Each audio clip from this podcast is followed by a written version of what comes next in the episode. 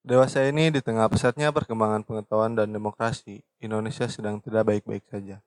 Untuk mengetahui obat apa yang tepat, tentunya perlu diketahui terlebih dahulu dengan pasti apa penyakitnya. Jadi melalui episode ini, mari kita diagnosa penyakit negara Indonesia lebih jauh. Selamat datang di podcast Paperta Berdialektika.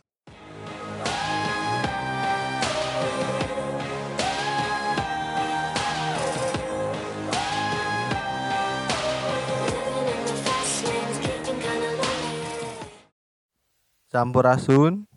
Salam sejahtera bagi kita semua. Eh, di episode kali ini kita akan membahas tentang hadiah apa saja yang telah diberikan oleh pemerintah atas amanah kemerdekaan yang telah diperjuangkan bersama-sama oleh rakyat selama bertahun-tahunnya dulu. Uh, tentunya di perjuangan itu banyak nyawa yang telah dikorbankan, berbagai pemikiran telah disatukan, uh, bermacam-macam motif gerakan pun telah dilakukan hanya untuk mencapai satu tujuan, yaitu merebut kemerdekaan dari tangan penjajahan kolonial.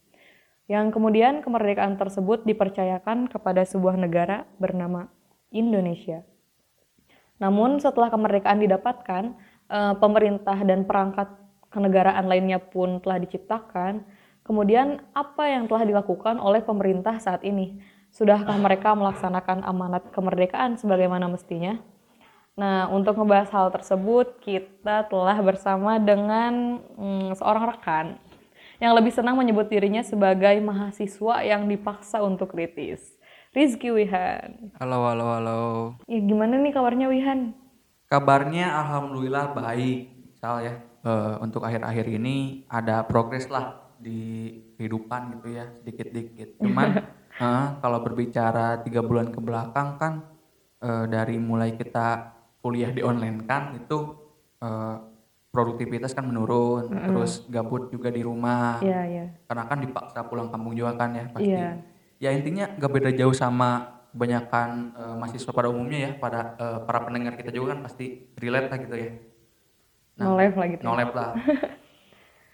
uh, kalau Salwa juga sih sama sih, baru hmm. mulai produktifnya lagi sekarang-sekarang. Kalau kemarin-kemarin sama, kayak gitu rebahan sekarang baru mulai produktif juga gara-gara ada podcast ini kan. Ah, iya gak sih? gara-gara podcast. Kalau kesibukan Wihan sekarang lagi apa? Kalau kesibukan akhir-akhir ini gitu ya uh, ada proyekan sih ya yang nggak bisa disebutin ya. Hmm. karena uh, belum jadi juga proyekannya gitu. Oh. sama rekan-rekan dari uh, ya deket lah. Urusan cuan urusan, urusan cuan. cuan juga ada gitu Cuman kalau dari fakultas kan kita kan e, proses pengkaderan, proses apa di fakultas kan itu terhenti. Yeah. Ya jadi kalau kesibukan fakultas paling menjalani e, kontrak non profit saja bersama e, BMFP gitu ya. Mm. E, kayak proker-proker online kayak gitu sih. Iya yeah, iya. Yeah, Kan kelas kepemimpinan ya kemarin baru kemarin, nah, gitu sih. Iya iya. Nah, uh, tapi sebelumnya saya mau nanya dulu nih, saya penasaran. Uh, kenapa sih Wihan tuh lebih ingin disebut sebagai mahasiswa yang dipaksa untuk kritis? Kenapa ingin menjadi mahasiswa yang dipaksa, eh mahasiswa yang terpaksa untuk kritis gitu kan? Yeah. Ya. Uh, kritis itu kan intinya hak setiap individu ya. Mm -hmm. uh, individu itu bisa menggunakan haknya untuk kritis ataupun tidak gitu. Yeah kalau saya pribadi awalnya dulu itu tidak memilih untuk kritis. Kenapa? Karena saya itu uh, sempat memiliki pemikiran ataupun bahkan sampai ke ideologis yaitu nihilisme gitu. Hmm. Nihilisme itu intinya bagaimana kita memandang dunia ini secara nihilistik atau memandang segala sesuatu sesuatunya itu nihil. Nah, tapi gitu uh, setelah uh, menjadi mahasiswa yang di mana uh, apa ya secara tidak langsung dibe diberikan beban tanggung jawab untuk menjadi yang kritis gitu ya yeah. apalagi untuk pemerintahan kan yeah, gitu. yeah. nah akhirnya lah uh, seperti itu gitu uh, kesimpulannya kenapa dipanggil terpaksa kritis gitu. karena balik lagi juga kali ya pas udah jadi mahasiswa kan menyandang apa sebutan baru bukan sebutan ya peran baru yaitu nah, sebagai penyambung lidah rakyat juga nah, kali ya. Jadi gitu. gimana bisa jadi penyambung lidah kalau nggak kritis gitu kali ya, nah, ya simpelnya. Hmm. Nah ngomong-ngomong soal Indonesia nih Wihan, uh, gimana sih negara kita menurut Wihan? Maksudnya apa yang tergambar gitu di pikiran kan ketika mendengar kata Indonesia? Berarti uh, Indonesia saat ini gitu? Iya iya. Gambaran atau pendapat uh, saya pribadi mengenai Indonesia pada saat ini eee, negara kita ini saat ini, eee, sedang mengalami yang namanya ketidakdemokratisan demokrasi, Sal, atau biasa disebut sebagai, eee, tesis oligarki gitu. Mhm. Artinya apa? Artinya ada kepentingan antidemokratis yang ditanamkan atau diternakan, eee, sedari dulu oleh beberapa golongan yang, eee, berhasil bertahan selama bertahun-tahun di, eee, kancah politik kita, yang pada akhirnya mungkin, eee, untuk di periode Jokowi, eee, pada saat ini kekuasa kekuasaan akan anti demokratis itu membel apa, meledak gitu. Oh, iya. Atau, Mencapai eee puncaknya lah ya heeh, gitu. eee, berhasil membajak membajak Mhm mhm. kekuasaan dan masuk ke pemerintahan gitu. Iya, kayak semacam puncak anarkisnya lah ya. Nah gitu. Nah ini tuh, eee, akibatnya apa? Akibatnya adalah tidak adanya lagi gagasan tentang kebebasan berpolitik gitu, yang menyangkut masalah kesetaraan, masalah kesejahteraan umum, masalah yang lain-lain lah gitu. Sosial gitu ya Sosial pada juga. akhirnya. Nah, tapi gini Sal, eee, masalah tentang antidemokratis atau krisis demokrasi ini tuh bukan, eee, hal yang baru gitu ya. Mhm. Bahkan dari zaman, eee, konsep negara itu belum terbentuk pun itu sudah ada gitu. Jadi zaman Aristoteles dulu itu, eee, demokrasi itu memang dipandangnya itu sudah negatif gitu, dalam artian demokrasi itu hampir sama dengan mobokrasi. Atau nah mobokrasi itu intinya adalah segelintir orang yang, eee, awalnya itu memilih apa ya, awalnya berdemokrasi tapi pada ujungnya malah, eee, merugikan rakyat gitu. Seperti banyaknya wanita pekerja dan juga banyaknya rakyat yang di, eee, keluarkan dari apa ya, bukan dikeluarkan dari apa ya, ditelantarkan lah gitu. Terus yang kedua gitu ada tokoh Plato gitu ya. Plato dalam bukunya The Republic itu pernah menulis tentang bahwa demokrasi itu ternyata bobrok juga. Artinya apa? Demokrasi itu ternyata dasarnya juga dari liberal gitu menurut Iya. Plato di bukunya. Kenapa? Karena di situ kan ada hak hak-hak, eee, setiap individu, hak pribadi. Nah, dari hak-hak pribadi itu justru, eee, karena misalnya Salwa punya hak, eee, Wihan punya hak gitu ya. Karena kita memaksakan hak pribadi, pada akhirnya akan kacau juga gitu kan, Iya iya. memaksakan hak kita dan hak orang lain akan, eee, apa, terambil gitu Iya. atau gitulah intinya. Nah jadi, eee, bukan fenomena yang aneh lagi gitu ya, Mhm. masalah kebobrokan dari demokrasi atau anti demokrasi ini gitu. Soalnya dari zaman tadi teh gitu, dari zaman Hmm. yang lampau pun sudah ada gitu. Soalnya sepakat sih tadi sama eh, statementnya Plato gitu. Soalnya emang hukum pasti dari demokrasi itu justru karena memperjuangkan eh, dan menjamin seluruh hak, maka akan menimbulkan eh, terenggutnya hak juga. Nah, Jadi iya tadi contohnya gitu ya kayak kalau hak Wihan diperjuangkan otomatis akan ada hak orang lain yang seharusnya didapatkan menjadi terenggut karena Terenggut. hak Wihan yang diperjuangkan. ah, Jadi gitu, gitu. pada akhirnya ini pun menjadi paradoks gitu ya. Ah, Demokrasi itu adalah sebuah Ah, paradoks gitu ya. Karena gitu gitu, ngerti ngerti.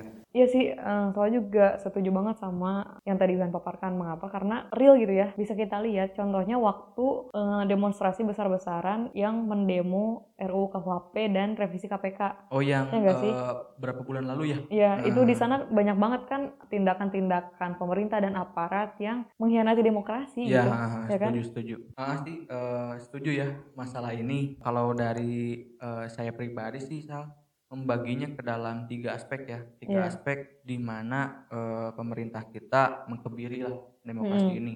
Aspek yang pertama itu dari aspek dikeluarkannya, eee, 2 rancangan atau, eee, revisi undang-undang kontroversi ini gitu. Iya. Eee, jika kita lihat dari landasan, eee, sosiologisnya atau dari landasan pragmatismenya, para paradigma yang harusnya dibangun dari dasar hukum itu adalah paradigma, eee, untuk kepentingan masyarakat umum atau demi kepentingan rakyat. Iya. Tapi bisa kita lihat sendiri gitu keadaannya saat 2, eee, RUU, eee, kontroversi ini dikeluarkan. Respon dari publik seperti apa, respon dari masyarakat seperti apa, kan Kontra gitu ya. kontra kebanyakan. heeh, Iya. terjadinya demonstrasi di mana-mana Iya. gitu. Jadi ini menunjukkan bahwa bukannya eee, RUU ini memiliki kepentingan untuk rakyat, Rakyat, tapi malah kepentingan untuk Ya, oknum lah ya, oknum gitu. lah gitu, heeh, heeh, gitulah. Nah itu yang pertama. Yang kedua itu mengenai sikap dari pemerintahnya sendiri, eee, menge eee, apa ya, tindak lanjut dari pemerintah lah mengenai dikeluarkannya dua rancangan undang-undang atau revisi undang-undang yang kontroversi ini. Jadi setelah ramainya demonstrasi tadi itu ya eh, di mana-mana tuh pemerintah kita ini khususnya presiden kita itu lebih memilih untuk tutup telinga dan juga tutup matanya. Iya. Bahkan yang lucunya Sal, presiden kita ini atau pemerintah kita ini lebih memilih untuk mendukung pengesahannya gitu. Iya, menyetujui gitu ya. Menyetujui, heeh. Padahal jelas rakyat menolak. rakyat menolak sempat sih ada eh, bilang eh, iya nanti direvisi iya nanti direvisi atau iya nanti eh, apa ya rakyat ikut andil Iya, Ya, tapi, itu tapi- kan gimmick pemerintah ya pada kenyataannya pada mah nggak kayak kenyataannya gitu. heeh. ya ya intinya setiap presiden kan pasti kalau eh, apa mengeluarkan produk hukum kan pasti ada saja gimmick-gimmick yang Iya, terjadi ya iya, iya. jadi bukan yang pertama kali bagi Iya. eh, pemerintahan Jokowi sih.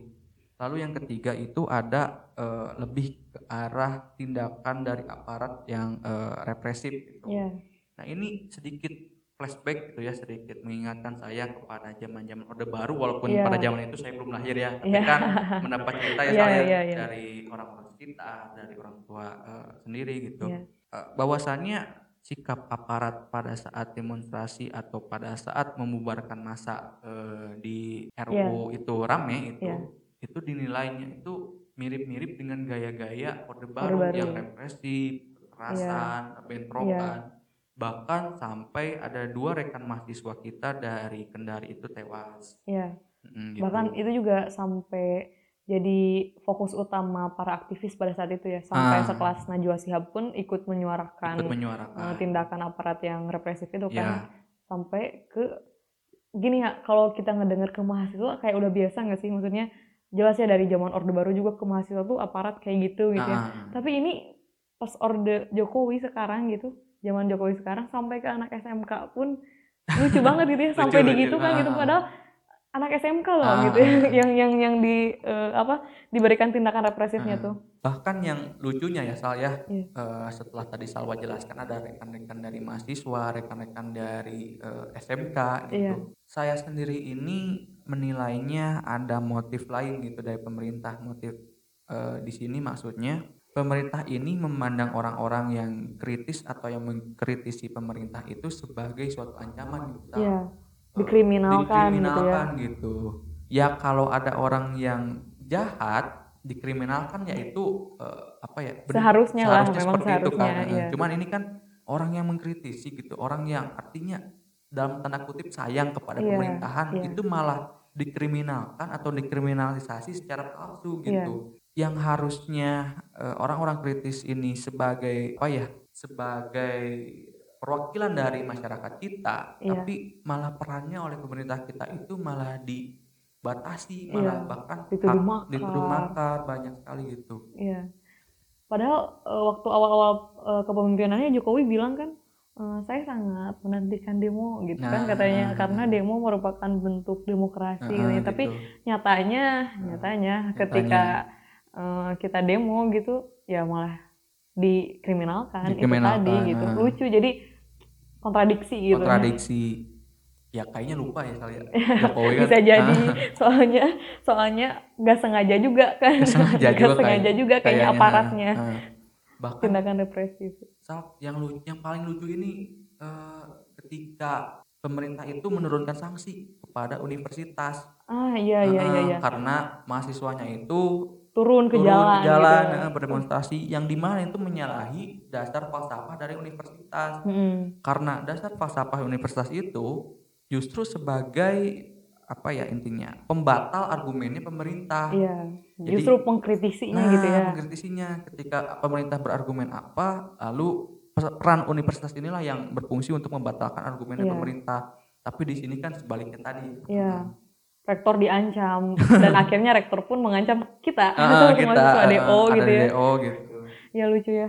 Eh, maka nyata gitu apabila ketika eh, kita katakan di zaman Jokowi ini demokrasi itu dikebiri atau dihianati itu tadi ya. ya. wajar jika sampai eh, tokoh-tokoh luar pun menilai bahwa demokrasi di zaman Jokowi ini tadi yang Wihan sebutkan mengalami titik terendahnya titik gitu ya. terendahnya Nah, eh, kita juga dari Kastred menangkap hal itu juga sehingga kenapa pada akhirnya eh, narasi demokrasi dihianati ini menjadi narasi yang uh, dianggap besar dan penting untuk diang diangkat di podcast episode 2 ini gitu. Oke, okay, oke. Okay, Karena uh, kenapa kita juga melihat hal itu? Karena ketika uh, suatu pemerintahan Indonesia menjalankan kepemerintahannya sesuai dengan konstitusi negara, maka sejatinya dia akan menjalankan negaranya itu sesuai dengan harapan rakyat. Ya, Karena ya. balik lagi kita negara demokrasi, sedangkan Tuhannya demokrasi adalah rakyat, rakyat ya kan. Itu, Jadi pasti pemerintah itu mengarahkan nahkoda kenegaraannya sesuai dengan harapan rakyat. Tapi tadi udah kita bahas juga sedikit nyatanya gitu di uh, pemerintahan Jokowi ini beliau mengarahkan nahkodanya itu nggak sesuai lagi dengan harapan rakyat, melainkan bisa dikatakan kita menilainya sesuai dengan kepentingan korporat ah, gitu. Ah, gitulah. Gimana Wihan uh, menilai hal itu? Apakah itu juga ketangkap gak sih sama Wihan? Uh, iya sih. Uh, kalau tadi kan seperti singgung ya masalah mengarahkan nahkoda kapal ya. Iya. Cara terbaik pemerintah kita dalam mengarahkan nahkoda kapal atau negaranya itu pasti mm. dengan kebijakannya ya. Iya. Jadi yang saya tangkap ya uh, secara pribadi itu salah satu uh, penyalahgunaan uh, nahkodanya. Iya. Itulah. Pada akhirnya ke penyalahgunaan wewenang kan. Uh, ya. gitu, penyalahgunaan wewenang, uh, kebijakan-kebijakan yang dikeluarkan aneh gitu. Iya. Kalau apa ya? Kalau kita boleh sedikit uh, ke belakang gitu ya. Sinyal-sinyal tentang anti demokrasi ini bukan hanya terjadi akhir-akhir ini gitu Sal. Mm -hmm. uh, bukan hanya pada saat RUU KUHP atau uh, masalah rasisme dan lain-lain yang yeah. sekarang gitu ya, yang booming sekarang. Tapi yeah. zaman dulu pun atau beberapa tahun belakang pun uh, di periode pertamanya Jokowi itu sudah ada soal masalah yeah. anti demokrasi ini. Salah satunya itu dengan uh, dikeluarkannya Perpu nomor 2 tahun 2017 tentang ormas yang di mana Perpu ini digunakan oleh pemerintah kita untuk membubarkan yang namanya Hizbut Tahrir Indonesia. Yeah. Uh, di sini saya bukan berarti mendukung HTI, HTI ya. ya. Uh, saya setuju dengan pembubaran HTI gitu secara substansi. Iya, tetapi yang saya tidak setuju di sini adalah uh, karena adanya kecacatan secara prosedural dalam hmm. membubarkan HTI ini yang hmm. di mana dianggap oleh masyarakat uh, umum itu mengeliminasi proses peradilan atau yeah. membubarkannya tanpa proses peradilan seperti itu, yeah. Nah, uh, krisis demokrasi ini sih pada akhirnya uh, menciptakan uh, apa ya krisis multidimensi. Uh. Karena apa? Karena itu tadi sudah jelas uh, nah koda pemerintahannya tidak sesuai dengan harapan rakyat. Yeah, iya. Otomatis yeah. ketika tidak sesuai dengan harapan rakyat, krisis-krisis pun di berbagai aspek akan muncul ya akan kan. muncul. Nah, uh, kalau kita coba breakdown gitu ya si krisis multidimensi ini, krisis-krisis apa aja sih yang uh, menjadi fokus Wihan gitu dalam memperhatikan negara kita? Salah satu yang menurut uh, saya pribadi paling krisis itu uh, kemarin tuh kalau inget gak waktu tanggal berapa Juli itu ada hari Bayangkara. Iya, booming banget ya. Booming itu. banget kan, bukan booming dalam artian harinya. Harinya ya, bukan, tapi tapi ada banyak masyarakat kita yang akhirnya terbangun gitu uh -uh. Uh, setelah lama tidur. Akhirnya masyarakat kita menyadari bahwa adanya uh, suatu yang namanya dwi fungsi, fungsi ya. uh, aparat atau TNI yeah, yeah. Polri. Nah, tapi kalau uh, boleh jujur ya, uh, saya melihatnya ini bukan sesuatu yang baru, bukan sesuatu hmm. yang baru kemarin terjadi. Hmm. Ini sesuatu yang sudah lama soal kasusnya. Kenapa? Karena dulu tahun 2019 uh, pemerintah kita pernah mengeluarkan yang namanya Perpres uh, nomor 37 tahun 2019 tentang jabatan fungsional TNI yeah. yang di mana uh, masyarakat kita banyak menafsirkannya uh, seakan-akan memiliki karakteristik uh, dengan orde baru dengan rejimnya yeah, yeah, mengingatkan baru. kita ke orde baru gitu uh, yang di mana pada saat itu terkenal dengan dui fungsi abdinya yeah. gitu ya tapi uh, kecemasan masyarakat ini menurut saya pribadi sih bukan sesuatu yang tanpa alasan gitu ya. ya bukan cuma seuzon gitu bukan ya. hanya seuzon gitu ya. Soalnya kita lihat sendiri ya saya uh, di pemerintahan saat ini gitu. Resonansi publik tentang hal ini pun uh, sangat nyata sekali. Hmm. Uh, jika kita perhatikan bahkan sampai ke tingkat kabinet sekalipun gitu. Yeah. Kalau kita kalau masalah uh, Bulog, masalah komisaris, Komisaris, KPK, iya. heeh, ya ya ya ya itu parah juga. Iya. Cuman yang parah Ada yang lebih parah. ada yang lebih parah gitu. Parahnya tuh sampai ke dalam kabinet pun ada yang namanya ini dui fungsi ini gitu. Mm-mm. Dari yang eh, relevan sampai yang tidak relevan sama sekali. Iya. Heeh. Kalau boleh saya sebutkan gitu ya, yang relevan itu contohnya seperti Menteri Pertahanan itu kan eh, bisa dibilang relevan ya Iya, jika jelas dia gitu memiliki ya. Heeh, jika dia memiliki background sebagai militer. Militer. Tapi eh, di sini ada dua orang yang eh, menurut saya pribadi itu dirasa kurang relevan bahkan tidak relevan sama sekali. Yang Iya. pertama itu ada mantan Kapolri Tito Karnavian. Mantan Kapolri mantan ya. Kapolri. Tolong digarisbawahi. Tolong digaris, tolong digarisbawahi gitu sebagai Menteri Perdagangan gitu. Ya itu lucu, itu lucu. Tapi ada yang lebih lucu lagi Sal. Yang lebih lucu lagi adalah mantan Wakil Panglima TNI Iya. Ma- mantan wakil TNI, panglima, Panglima TNI, TNI. ya, menjabat sebagai Menteri Agama. Nah ini respon Salwa gimana nih? Kayaknya kalau sholat disuruh baris per baris gitu ya biar rapi sampai. Iya ya. Enggak, enggak, enggak. Maksudnya gini. Ya, ya ini lucu banget itu soalnya. Kalau husnuzonnya nih ya, husnuzonnya. Husnuzon. mungkin eh, para aparat itu selama menjabat sebagai aparat dia juga mempelajari hal lain kali Wihan Hal kayak lain. kayak dia juga belajar bisnis gitu Belajar makanya bisnis, jadi menteri perdagangan, perdagangan. dia juga eh, apa anak lulusan pesantren Pesantren. gitu ya Ah, atau muridnya ustadz siapa gitu Ah, jadi dia gitu. jadi menteri agama cuman kalau jadi seuzonnya tuh kenapa sih Jokowi memilih mereka maksudnya kayak nggak Ah. ada orang lagi di Oke. Indonesia tuh yang ahli eh, di bidangnya gitu jadi kayak krisis orang ahli jatuhnya Nah ini setuju gitu. Eh, gimana ya? Kalau kita berbicara masyarakat Indonesia secara luas itu Hmm. banyak sekali Sal yang berkompeten. gitu. nah itu dia Heeh, untuk memasuki apa ya, memasuki posisi strategis Iya. di pemerintahan gitu. Kalau yang saya pribadi eh, tangkap di sini ada ada suatu apa ya, ada suatu kecacatan juga yaitu cacatnya kaderisasi secara impulsif eh, dari eh, para partai-partai gitu. Mm-mm. Kenapa? Karena partai-partai di sini tidak bisa memaksimalkannya, memaksimalkan peran kaderisasinya atau pengkaderannya dalam Iya. mencari orang-orang di eh, masyarakat luas gitu. Jadi Mm-mm. yang ada malah ya orang-orang itu lagi, orang-orang itu lagi, yang punya nama lagi, yang punya nama lagi. Jadi ya krisis, krisis, Iya. krisis penerus gitu. Iya, orang-orang itu lagi meskipun bukan bidangnya gitu ya. bukan bidangnya gitu. Heeh. Berarti eh, bisa nggak sih kalau kita katakan pemerintahan Jokowi ini semacam meniru eh, pemerintahan Orde Baru? Bisa dibilang eh, apa ya? Meniru sih iya, cuman ternyata Sal eh, setelah kita selidiki lebih jauh gitu ya, setelah Mm-mm. saya saya pribadi selidiki lebih jauh gitu, ternyata bukan hanya eh, pemerintahan Orde Baru saja yang presiden kita eh, apa ya tiru Tiru gitu gitu, ya. tapi ada juga eh, desas-desus dari zaman-zaman Orde Lama. Kenapa? Hmm. Kan jika kita lihat dari eh, partai yang membesarkan presiden kita sendiri itu kan Iya. partai eh, Merah ya. partai merah, Merah, ya, banteng. Iya. Nah, partai banteng ini kan jika kita lihat core entitasnya itu itu pasti berbau Soekarnonisme gitu ya, Iya. Soeka- Soekarnonisme ya atau bergaya orde lama. gitu. Iya.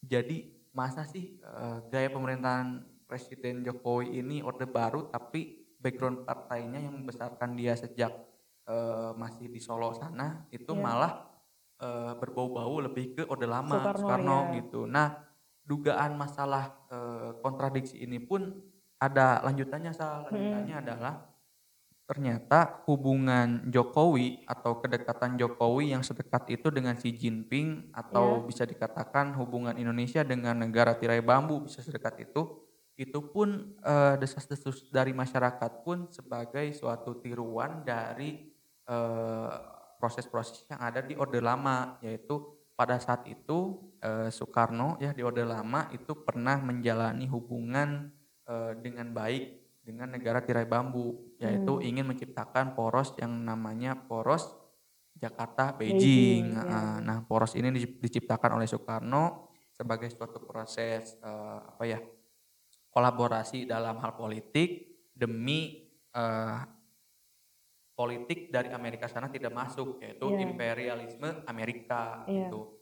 Nah, eee, desas-desus ini pun semakin nyata gitu dengan ternyata hubungan Indonesia dengan Cina itu bukan hanya hubungan politik saja pada saat Mhm. Jokowi sekarang gitu ya, Iya iya. tapi ada hubungan ekonomi juga ternyata. Oh. Mhm, jadi Jokowi ini ingin menciptakan poros, eee, Jakarta Beijing jilid 2 lah sebut gitu. Karena bukan hanya politik tapi ekonomi juga khususnya investasi. Mhm. Jadi banyak tokoh-tokoh ekonom, eee, yang ternama di Indonesia itu, eee, menyimpulkan bahwa investasi, eee, negara kita itu tertingginya atau paling gemuknya itu di Dari zaman Jokowi heeh, dari Cina sana tadi teh ya, Oh. heeh. Ya itu semakin nyata lah mhm. gitu. Berarti ada kebingungan nih kan ya, Iya ada iya. kontradiksi. Ini tuh Iya. sebenarnya gayanya Soehar Orde orde orde baru baru atau orde lama? atau orde lama gitu ya dengan tadi kasus-kasus yang Mhm sudah kita jelaskan. Kalau saya pribadi menilainya justru ini adalah, eee, sebuah difusi gitu, ada sebuah apa ya namanya, suatu pergabungan. Iya. Jokowi ini Lagi eksperimen gitu ya? eksperimen mungkin ya dalam rezimnya ingin menggabungkan 2 rezim sekaligus, orde lama dan juga orde baru. Kenapa begitu? Karena ternyata, eee, jika kita lihat Jokowi di periode pertamanya itu pasti kan menggembor-gemborkan yang namanya semangat pembangunan infrastruktur gitu ya, Iya. yang di mana itu sangat kental sekali dengan Eee, Soekarno. Soeharto. Oh Soeharto, iya iya Soeharto, Soeharto. so Eee, apa, Repelita ya? Repelita, Iya, Repelita. heeh. Nah, eee, tapi ternyata, eee, dana yang digunakan untuk mendukung semangat pembangunannya Jokowi itu, itu berasal dari investasi Cina tadi. Iya. Yang berarti di sini ada pergabungan antara Orde Baru dan juga Orde Lama Iya, yang dilakukan jelas. oleh presiden kita, itulah gitu. Orde baru, eee, tumbang ya. Tumbang. Orde lama juga Tumbang. Sekarang kita lihat nih ya Jokowi Nah. gimana yang menggabungkan Nah. tumbang juga atau enggak? Nah, ini takdirnya ke depan ya gimana, gimana gitu, Asik heeh. ya buat dipantau. Tapi eee, berbicara eee, soal tadi ya eee, krisis multidimensi Heeh dimen- dengan dimensi pertama yaitu dui fungsi. Ada juga eee, saya juga menangkap eee, dimensi lain yaitu adanya penyentralan eee, wewenang di era Jokowi ini. Terutama didukung dengan kemarin produk kemarin hadiah pandemi RUU Oh, Cilaka. iya iya, Ya, RUU. Cilaka, RUU Cilaka. Di situ kan jelas ya disebutin eh, adanya desentralisasi wewenang dari Hmm. pemerintah daerah ke pemerintah pusat. Jadi eh, adanya de- adanya sentralisasi dari desentralisasi menjadi sentralisasi gitu Ah. sehingga eh, otonomi daerah itu dilemahkan, Dilemahkan, gitu. iya, Dan otonomi pusat semakin kuat. Semakin kuat, Ya. heeh. Wihan sendiri memandang hal itu seperti apa? Eh, kalau saya pribadi memandang masalah sentralisasi atau eh, pemusatan kua- kekuasaan di pusat yang eh, terjadi akibat dari itu apa, RUU Cilaka ya. Iya, iya. Wah, itulah RUU itu. Eh, kalau saya memandangnya itu ada eh, tiga aspek gitu ya. Hmm. Aspek yang pertama itu dari aspek politik, aspek yang kedua itu dari ekonomi, yang ketiga itu dari lingkungan gitu. Kalau aspek yang pertama itu dari politik, eh, saya pribadi eh, memandangnya itu jika pemerintahan atau eh, kekuasaan atau kewenangan daerah itu dilemahkan dan kewenangan atau kekuasaan pusat itu dikuatkan, maka posisi paling sentral di Indonesia yaitu desa, Desa. Heeh. itu apa ya akan adanya komunikasi yang kurang bagus lah dengan pemerintah pusat karena bisa kita lihat sendiri kan ya pemerintah pusat itu kan secara kuantitas dan juga secara kualitas itu eh, apa ya Gak mumpuni lah ya. nah kurang mumpuni lah Terbukti. terbukti ya nah akibat kurang mumpuninya kapasitas dari pemerintah pusat ini akibatnya komunikasi antara desa dan juga pusat itu kurang baik komunikasinya Mm-mm. yang nanti eh, fatalnya adalah jika pemerintah mengeluarkan suatu kebijakan Iya. yang kita tahu kan selama ini kebijakannya aneh-aneh dan Iya. lucu-lucu it- Hadiah. hadiahnya itu aneh-aneh itu pasti eh, orang-orang yang ada di posisi paling sentral sana itu tidak mengetahuinya gitu Sal. Iya, Jadi terkesannya adanya politik sepihak. iya Jadi betul betul. ya ya seperti itulah intinya ya Iya. gambaran secara politiknya gitu. Tapi eh, selain itu juga bisa jadi ketika sentralisasi ini memang diwujudkan, nanti undang-undang yang dan kebijakan yang diciptakan itu tidak sesuai dengan kebutuhan masyarakat di lapangan. Nah, kan? ya, ya Karena setuju. eh, kalau pemerintah daerah dan eh, desa gitu ya khususnya, mereka membaca kebutuhan masyarakat real dari eh, nyata gitu di, di lapangan. Di kan. lapangan heeh. Tapi kalau pemerintah pusat kan eh, pembacaannya hanya berbasis data kan. berbasis data. Sedangkan data bisa dimanipulasi dong ya. Ah. Jadi jadi maksudnya nanti ditakutkan undang-undang dan kebijakan yang dikeluarkan oleh pemerintah pusat pun selain miskomunikasi dengan pemerintah yang ada di desa gitu tidak sesuai juga gitu dengan kebutuhan rakyat. Jadi Ah, setuju setuju. undang-undang dan kebijakan ke arah mana, Ah. masalah ke arah mana Ah, kan jadinya nggak ketemu Nggak gitu. ketemu ah. Tapi eh, itu tadi eh, di bidang politik ya. politik. Kalau dari ekonomi ya? Kalau dari ekonomi sebetulnya saling berhubungan dengan eh, masalah lingkungan gitu ya, Iya. masalah sentralisasi ini. Kalau dari saya pribadi memandangnya eh, dengan adanya sentralisasi ini gitu ya, eh, tempat paling sentral tadi yang sudah kita bahas di awal itu adalah desa, eh, itu akan dengan mudahnya diobrak-abrik oleh para in- investor, apalagi sekarang eh, di bidang ekonomi sendiri dengan dikeluarkannya RUU Cilaka ini atau Ciptaker ini, keran investasi kita akan dibuka secara eh, besar-besaran. Iya, iya. Eh, lalu kekuasaan ada di sentral, ya investor akan mudah masuk ke desa, akan Iya, mengobrak-abrik tanah gambut akan di ini dan lah Makin licin gitu ya. Cina eh, gitulah. Nah, itu masalah ekonomi apa masalah lingkungannya gitu. Ya masalah ekonominya sama sih seperti yang saya tadi bilang itu saling berhubungan. Eh, jika saya kasih contoh mungkin ya.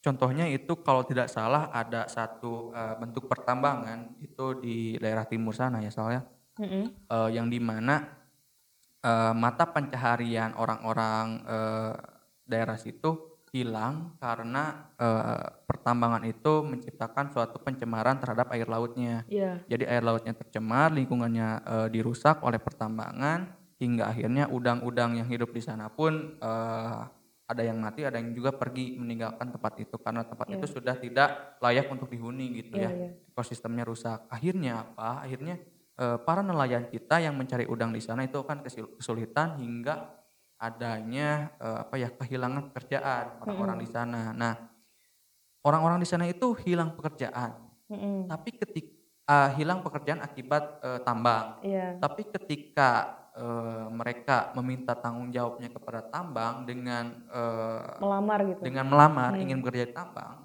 ternyata ditolak mentah-mentah gitu. Hmm. Kenapa? Karena yang pertama jelas ya tidak memiliki jasa itu mungkin menjadi apa ya syarat Standarisasi. gitu ya. standarisasi ya uh, uh, para tambang gitu. Terus uh, dari background pun ya kita tahu lah ya orang paling sentral di Indonesia kan uh, secara pendidikan secara apa pun ya dinilai uh, bisa apa ya kurang lah gitu ya. Iya. Jadi tapi kalau misalkan eh, dilihat dari penjabaran Wilhan tadi ya, krisis eh, demokrasi ini memang benar-benar nyata menghasilkan krisis multidimensi. Kenapa? Ah. Karena dari krisis tadi pun menciptakan eh, krisis pendidikan juga. Krisis pendidikan Sehingga juga. pada akhirnya pendidikan di Indonesia akan diarahkan pada eh, pemenuhan kebutuhan industri. Ah, Jadi ah. nanti si Indonesia ini pendidikannya bukan lagi memanusiakan manusia gitu ya, menyadarkan, menumbuhkan potensi dan lain sebagainya, tapi untuk memenuhi kebutuhan industri tadi untuk menjadi buruh. Iya ya iya. kan? Jadi, setuju setuju. Selain menggeser pendidikan, nantinya juga akan menggeser eh, sosial dan budaya, Budaya. di Indonesia Nah, kan. iya. Sehingga orientasinya kan nanti di pendidikan itu orientasinya akan kerja sebagai buruh. Hmm. Jadi sosial budayanya pun orientasinya juga akan menjadi buruh. Ah. Padahal secara jati diri kita kan negara maritim dan agraris, gitu Agraris, ya. ah. Sehingga eh, berbicara profesi yang menjadi jati dirinya adalah petani dan nelayan. Petani dan tentu. nelayan. Tapi karena adanya pergeseran pendidikan dan sosial budaya tadi, sehingga menggeser pula pola pikir masyarakat eh, memandang bahwa buruh dengan gaji yang tetap berkala setiap bulan itu lebih mulia gitu dibandingkan petani dan nelayan yang Ya, ah, ah. nggak ada untungnya. Iya, ya ah, nggak sih ah, sekarang? ah, ah, setuju sekarang Ya, seperti Jadi itu. makin banyak gitu ya Makin krisis banyak. multidimensi yang menyebabkan krisis multidimensi lagi Ah, gitu ah, ya. ah, iya, ah, ah. Jadinya.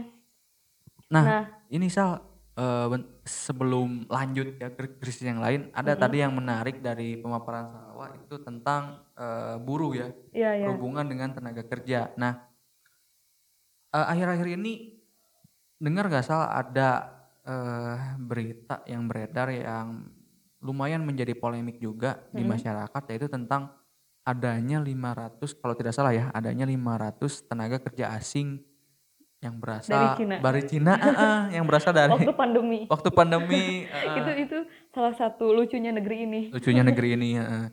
ketika ketika ketika tenaga kerja dari eh, dalam negeri kita disuruh untuk eh, WFH Ya, eh, dirumahkan dirumahkan gitu ya.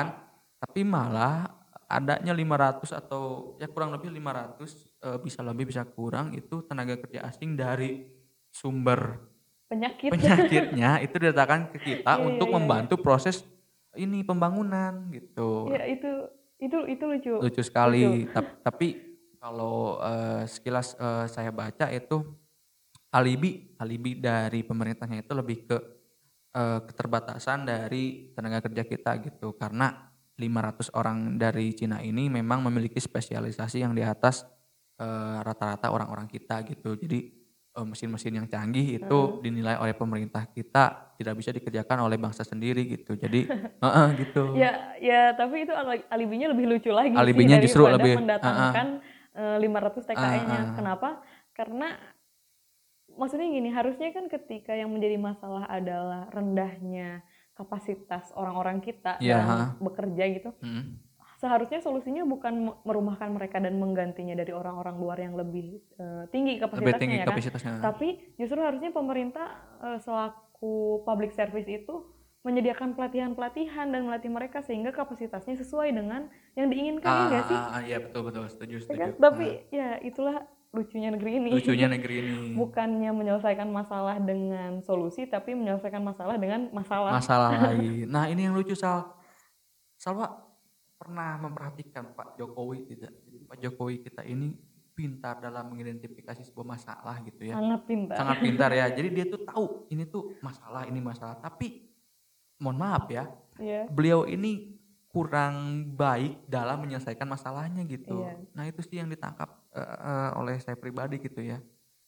Ya contohnya lima tahun periode pertamanya Jokowi Mm-mm. itu kan eh, tersendak ya atau terhalang akibat overregulasi gitu ya. Iya. Ya bagus gitu. eh, Jokowi sudah tahu masalahnya. Oh masalahnya overregulasi, nih. Overregulasi, heeh. ya. Eh, tapi solusi yang ditawarkannya malah omnibus law gitu. itu kan lucu sekali Lucu. gitu. heeh. Ya, Lucu-lucu. ya itu sih sedikit eh, masalah tentang Pak Presiden kita tercinta gitu Iya, ya. iya, iya. Rizky Wihan, Pak Jokowi, kosannya ada di... Enggak, enggak, enggak. Jangan dong. Nah untuk Takutnya mau difungsi Oh, gitu. Takutnya ah. mau ada tindakan represif, Ah. Sal- Salwa kasih tahu alamatnya Ah, gitu. Enggak, enggak. nah untuk Bercanda, bercanda. untuk editor ya tolong tolong dikat bagian urusan. Iya, ya. Tapi eh, ya berbicara segitu banyaknya tadi permasalahan yang ditimbulkan oleh pemerintah kita tercinta saat ini, eh, Salwa rasa eh, hal yang dapat kita lakukan melalui podcast ini mengingatkan kembali apa itu esensi pemerintah ya kan? Karena eh, pemerintah saat ini sudah terlalu jauh gitu menyalahi esensi kenapa pemerintah itu ada. Padahal kan kalau kita lihat gitu pemerintah itu ada sebagai public service atau pelayan masyarakat atau pelayan publik sehingga tugasnya hanya satu melayani publik dengan pelayanan yang prima apa pun itu caranya sehingga eh, pemerintahan diberikan wewenang yang luas segala aspek dari mulai agama, ekonomi, politik, budaya, pendidikan, Wah luas sekali ya. ya luas semua aspek kita berikan wewenang untuk apa? Untuk melayani kita gitu Hmm. selaku rakyat. Tapi ya itu tadi kalau kita lihat eh, pelayanan pemerintahan pada masa Jokowi ini kepada kita selaku rakyat itu eh, memang sedang berada di titik terendahnya Indonesia gitu selain Iya. demokrasi tapi juga public service-nya. Public service. Karena hal ini pun sesuai dengan eh, penelitian yang dilakukan oleh Bank Dunia bahwa eh, Bank Dunia itu meneliti bagaimana eh, kebaik bukan kebaikan ya kualitas Kualitas, kualitas eh, public service dari 157 negara dan Indonesia berada di urutan 135 135. 35 dari 175. Waduh. Jadi emang dari eh, hasil survei pun ini ini data gitu ya Iya, Nil. ah. Eh, pelayanan publik kita itu memang masih bisa dikatakan sangat buruk nggak sih? Ah, sangat Ya, buruk sangat buruk. Jadi eh, ya memang itu yang harus diingat kembali oleh pemerintah bahwa seluas apa pun wewenang yang dimiliki oleh pemerintah gitu ya, eh, bahkan di semua aspek yang menyangkut kehidupan rakyatnya, batasannya adalah satu yaitu esensi kenapa pemerintah itu ada tadi Hmm. yaitu sebagai eh, pelayannya kita, Pelayannya, pelayannya rakyat. Jadi seluas apa pun wewenangnya, tetap ingat satu batasannya yaitu apa pun yang kalian lakukan adalah untuk melayani rakyat. Rakyat. Sehingga ketika wewenang itu digunakan bukan lagi untuk melayani rakyat, tapi untuk melayani korporat, maka perlu dipertanyakan di mana peran pemerintahnya. Nah, Ya betul kan? betul. heeh. Ya. Nah, eh, menurut Wihan langkah ke depan yang akan diambil oleh Jokowi ini kayak gimana? Langkah ke depannya Iya. berarti di sini kita bermain eh, Berandai-andai lah. Jika saya menjadi Jokowi, apa Ya, yang gimana, akan saya gimana? lakukan ke depannya gitu ya? Iya, iya. Eh, pertanyaan yang cukup unik ya, Iya. cuman membingungkan juga gitu karena eh, kalau saya pribadi sih ya akan yang pertama yang akan dilakukan itu jelas ya meresapel menteri-menteri. Kenapa? Mm. Karena dirasa oleh saya eh, kabinet eh, Indonesia Maju itu adalah kabinet yang bagus, kabinet Iya. yang baik sekali, bagus dalam keadaan normal, tapi Iya. tidak bagus dalam keadaan pandemi seperti ini. Iya. Oleh karena itu, eh, saya akan meresapel menteri eh, dan men- dan mencari orang-orang atau sumber daya manusia baru yang setidaknya bisa eh, bekerja di tengah-tengah pandemi atau dalam tekanan seperti ini Iya. gitu. Itu yang pertama.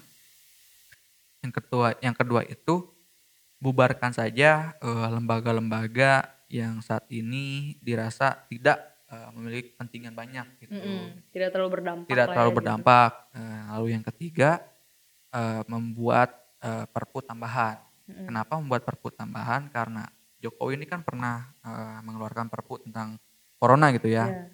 tentang penanganan corona atau apa pun itu. Tapi ternyata eh, Pak Jokowi pun menyadari sendirinya eh, bahwa perpu yang dia keluarkan tentang corona ini ternyata dianggap kurang efektif gitu. Iya. Jadi di sini Jokowi cukup gentleman juga gitu ya menyadari kesalahannya gitu bahwa eh, kebijakan atau perpu yang dikeluarkan itu kurang efektif sehingga solusinya ya eh, buat saja perpu tambahan gitu. siapa tahu bisa sedikitnya mengobati. Nah lalu yang terakhir eh, jika saya menjadi presiden gitu ya atau jika saya menjadi Jokowi saya akan kembali lagi ke dasar artinya apa mempelajari seluk beluk dari konstitusi negara kita jelas-jelas gitu ya konstitu- konstitusi mengeluarkan apa ya eh, maksud saya tuh tugas dari presiden yang dikeluarkan oleh konstitusi itu kan Iya. ada dua Iya. mencerdaskan kehidupan bangsa yang kedua yaitu mensejahterakan masyarakat Iya. Eh, tapi di sini kita lihat kedua aspek ini kan seperti yang sudah tadi kita bahas di awal juga kan tidak ada yang terlaksana Iya. mencerdaskan kehidupan bangsa kan Nggak sekarang ada ya. eh, eh, kampus merdeka kampus merdeka para rektor di seluruh univ kan malah bingung ini Iya, kok malah dicekal. eh, eh, ini merdeka apanya gitu Iya. bingung terus jika kita lihat dari aspek eh, Kesejahteraan. kesejahteraan atau merawat orang-orang yang miskin justru BPJS kan, kan malah Bermasalah. bermasalah. Kartu prakerja. kartu prakerja aduh bahkan ada orang Wian sempat salut ya ada satu Hmm. orang yang berinisiatif membuat lawan dari kartu prakerja tapi secara gratis gitu Hmm. eh, saya lupa ya mungkin bagi, bagi bagi pendengar podcast ini bisa dicari di internet gitu ya jadi ada kartu prakerja versi gratisnya gitu sebagai Hmm. bentuk kritisi gitu Iya, iya, iya. Ya intinya itu saja sih yang mau eh, saya utarakan gitu ya kepada pemerintahan Mm-mm. kalau dari segi sawah sendiri sih seperti apa sih Wihan tuh penasaran gitu dari pandangan sawah gimana nih Kalau salah jadi Jokowi. Ah, Kalau salah jadi Jokowi, eh, kayaknya yang pertama Sawa lakukan real di tengah kondisi masih pandemi kayak gini, Nah, tidak akan memperlakukan new normal. oh menarik Karena menarik apa? menarik Karena menurut Salwa, eh, ketika Salwa berdiam diri gitu ya di rumah tiga bulan ngobrol sama tembok lagi tembok. Ah, Eh, udah tiga bulan kayak gitu eh, angka COVID-19 masih belum juga melewati kurva puncaknya. Puncaknya. Tapi kemudian Jokowi sudah berani menerapkan new normal. ah, eh, new normal tanpa sesuai dengan prosedur dari WHO. WHO ah. Itu Salwa tercengang dan Salwa menganggap bahwa tindakan Jokowi tersebut adalah selemah-lemahnya pemerintah. waduh Kenapa? Karena dia lebih memilih untuk menyelamatkan perekonomian daripada nyawa warganya oh sendiri. iya ah. Jadi, Eh, nggak ada menjaga kesejahteraan Ah, ah, rakyatnya. ah. Boro-boro sejahtera nyawanya aja gak dilindungi, ya kan? benar benar Boro-boro sejahtera. Ah, ah. Jadi eh Solo bakalan eh, maksudnya tetap memberlakukan karantina wilayah tapi bukan PSBB agar apa? Karena eh Solo lupa siapa namanya tapi eh, dia ahli ekonomi dari UI Oh iya. guru dari- besar ekonomi UI, eh, beliau bilang sebetulnya pemerintah Indonesia itu mampu untuk memperlakukan karantina wilayah bukan Oh, PSBB oke. karena ha. karantina wilayah itu menjamin kebutuhan dasar eh, rakyat kan oleh Iya. negara. ah. Jadi beliau eh, memandang bahwa mampu Indonesia dengan Hmm. eh, uang persediaan uang yang ada itu mampu untuk Oh, mampu. memperlakukan karantina wilayah. Tetapi kan eh, pada kenyataannya dana yang dianggarkan untuk COVID-19 pun pa- sampai saat ini belum dikeluarkan semua. Nah. Padahal sudah dianggarkan Ah, ah. tapi belum dikeluarkan semua sampai kemarin eh, ada drama Korea Korea Istana Istana, yang ya kan? marah-marah itu. Iya. Nah, jadi itu sih yang bakal Sawa lakukan. Ya Sawa nggak nggak akan dulu memperlakukan new normal, Sawa akan lebih terfokus untuk eh, menjaga kesehatan rakyat dan keamanan rakyat karena untuk apa ekonomi diselamatkan ketika banyak nyawa yang melayang ya Iya. kan? ah. Eh, lalu langkah yang berikutnya ya Sawa akan mengeluarkan kebijakan-kebijakan yang pada akhirnya kebijakan tersebut bisa menumbuhkan kesadaran di tatanan masyarakat untuk memulai hidup eh, dengan higienis gitu. Kenapa? oke. hal ini eh, berhasil gitu diberlakukan di Jepang. Kan kita tahu ya Jepang salah satu negara yang awal-awal terkena COVID-19 bahkan sampai parah gitu perkembangannya.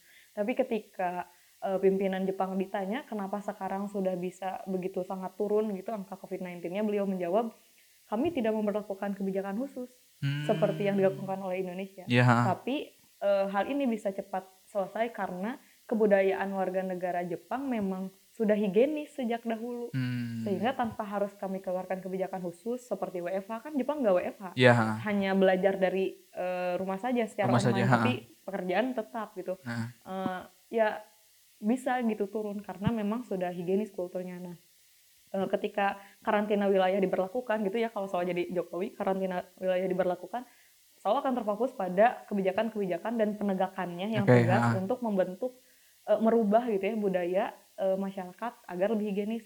Kenapa? Karena hal itu akan menguntungkan memberikan dua keuntungan. Yang pertama tercipta masyarakat yang higienis jelas sehingga menurunkan angka COVID-19. Lalu yang kedua tercipta masyarakat yang taat terhadap peraturan Oke. kan ah. eh, kalau dilihat-lihat gi- gitu ya sebenarnya masalah Indonesia itu bukan ada masalah tapi nggak ada solusi Hmm. tapi ada masalah ada solusi cuman penegakannya penegakannya yang eh, tidak sesuai dengan tidak solusinya sesuai. gitu Ya.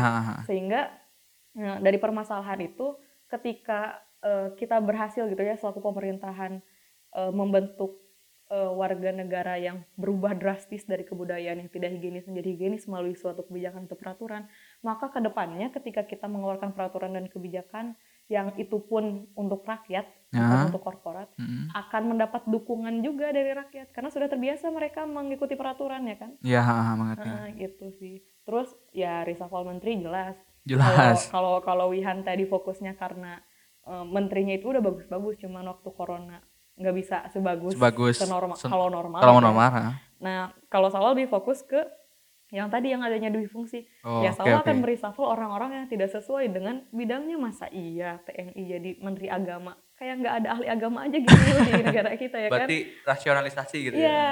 nggak nggak rasional gitu. Jadi ya itu sih Ah, ah. paling paling itu sih dari dari yang akan saya lakukan kalau jadi Jokowi gitu. Oke. ah. Nah, sebelum kita tutup nih podcast, Oke. ah. udah udah sampai ke penghujung podcast kayaknya pendengar juga udah capek. Udah mendengar capek ya. kita. ah. Eh, ada pesan-pesan terakhir yang disampaikan nggak Wihan? Kepada pendengar berarti. Ya kepada pendengar. Nah, ini pendengarnya namanya apa ya? belum ada namanya. Oh, sih, belum ada kita- namanya. Kita sebutnya pendengar aja dulu. Pendengar ya. Mungkin nanti buat pendengar apabila ada saran boleh di kolom komentar YouTube. Ya. Ah, atau atau Jadi- atau di mana ya? Ya ya DM DM DM IG ini aja, BM aja lah. Oh kirain mau promosi IG. Enggak, enggak. Enggak ke situ enggak. Enggak, enggak, enggak. Enggak, enggak. Jadi ya sebutnya pendengar aja. Ya, pendengar aja ya. Mm.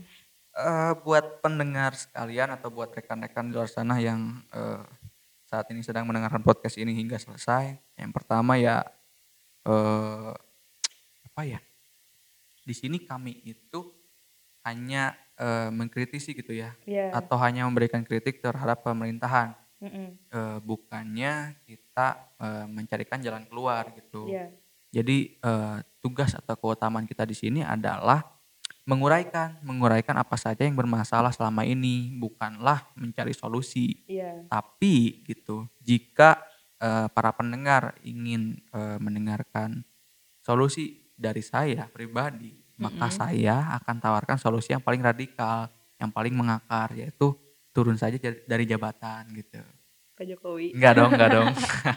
Ya tapi tapi itu make sense, Make itu sense, heeh. Terus yang kedua adalah di sini kami hanya, eee, mengkritisi, eee, presiden kita se apa ya, perbuatannya atau, eee, posisinya selaku, eee, presiden gitu ya, Iya. bukan orangnya gitu ya. iya iya. Ini takut Kita terfokus ke kebijakan Nah. tanpa ada apa permasalahan pribadi kali ya heeh, gitu ya. takutnya para pendengar kita ini, oh ini benci Jokowi, benci Nih sentimen nih Heeh. dulunya pendukung Prabowo. Heeh, Enggak, enggak kayak enggak enggak kayak gitu. Heeh, kita kita enggak kita enggak bermaksud untuk, eee, apa ya, mengkritisi orangnya, Iya. tapi lebih ke mengkritisi apa yang diperbuatnya, Iya. kebijakannya, intinya hal-hal lucu lah yang Iya. ya begitu intinya, Iya, heeh. iya. Terus yang ketiga, yang terakhir dari saya mungkin eee, karena masalah tentang demokrasi ini bukanlah masalah yang, eee, baru kali ini terjadi gitu ya. Mhm. Artinya apa? Artinya, eee, presiden-presiden kita sebelumnya pun pasti, eee, bermasalah dengan yang eee, berhubungan berhubungan dengan masalah, eee, masyarakat banyak atau kepentingan rakyat, itu pasti bermasalah gitu dari dulu juga, eee. Jadi saya harapkan bari eee, untuk para pendengar agar apa ya, mengesampingkan, eee, ideologi barbarisme gitu ya. Iya. Jadi eee, jadi udah biasalah gitu ya, eee, para politikus mah atau para elit mah seperti ini teh gitu. Jadi jangan, eee, jangan termakan suasana hingga sampai ke barbar gitu. Mhm. Tapi kritisi dengan cerdas gitu ya. Mhm. Terus oh yang terakhir yang terakhir.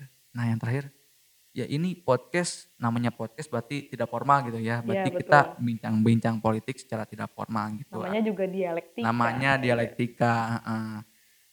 Ya berarti kalau ada kesalahan-kesalahan gitu ya mungkin, eee, bisa dikoreksi atau ya ya anggap saja ini hanya bincang-bincang santai di sore hari, Mhm. eee, sunset Anak ya, senja. anak senja di kebun, Iya, iya, iya. heeh, gitulah. Oh iya terakhir terakhir terakhir bener ini terakhir. Oke. Pisau bedah yang kita pakai di sini bukanlah pisau bedah anak-anak dari apa sebut eee, apa ya, ahli politik kita apa ya, Iya. anak-anak oh FISIP ya? Iya, anak bukan kita bukan anak fisip. Nah, anak eee, apa, eee, pisau bedah yang kita gunakan untuk mengkritisi pemerintahan di sini bukanlah pisau bedah yang digunakan oleh anak-anak FISIP atau Iya. anak-anak dari fakultas hukum atau orang-orang yang memiliki, eee, yang relevan lah relevan gitu. lah, heeh. relevan jurusannya. Jadi pisau bedah yang kita gunakan di sini adalah pisau bedah tadi. iya, Kita sore, sore hari di tengah-tengah kebun. mahasiswa yang dipaksa untuk kritis, Nah, gitu. tapi juga mahasiswa yang memiliki banyak keresahan terhadap negeri ini Nah. meskipun dengan keterbatasan ilmu ya. Heeh, intinya itu sih, eee, jangan lupa kita itu negara republik ya. Iya, Kita sebagai rakyat harus menjadi yang tertinggi. iya. Ya, seperti itulah mungkin, eee, dari Salwa mungkin ada tambahan gimana? Eh, ya mungkin eh, apa ya pesan terakhir perlu ditekankan kembali bahwa podcast ini bukan mutlak kebenarannya. Jadi balik lagi ini hanyalah dialektika tiga orang mahasiswa yang eh, memiliki banyak keresahan terhadap negeri ini. Eh, selain itu juga tujuan dari podcast ini kan untuk memantik rekan-rekan pendengar agar mulai aware dan menyadari bahwa negeri kita ini sedang tidak baik-baik saja bahkan sudah ada sudah sampai di tahapan kritis eh, untuk segera mendapatkan pertolongan dari kita selaku generasi penerus bangsanya gitu. Jadi tidak usah diamini kebenarannya jika memang tidak benar apa-apa yang ada di dalam podcast ini dan juga tidak usah dijadikan kiblat dalam eh, berargumen apabila memang argumennya yang ada di podcast ini itu tidak relevan.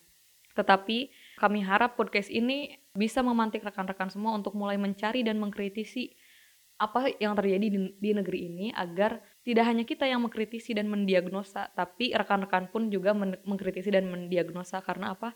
Karena semakin banyak yang mendiagnosa, semakin banyak yang mengetahui penyakit negeri ini apa, maka akan semakin banyak juga diharapkan pergerakan-pergerakan untuk menolong eh, negeri ini dari kondisi kritisnya. Podcast ini bisa didengarkan di akun YouTube dan Spotify BEM Fakultas Pertanian Universitas Siliwangi. Jika menemukan kebermanfaatan di podcast ini, silakan share, like juga. Sampai ketemu di episode selanjutnya. Make more time.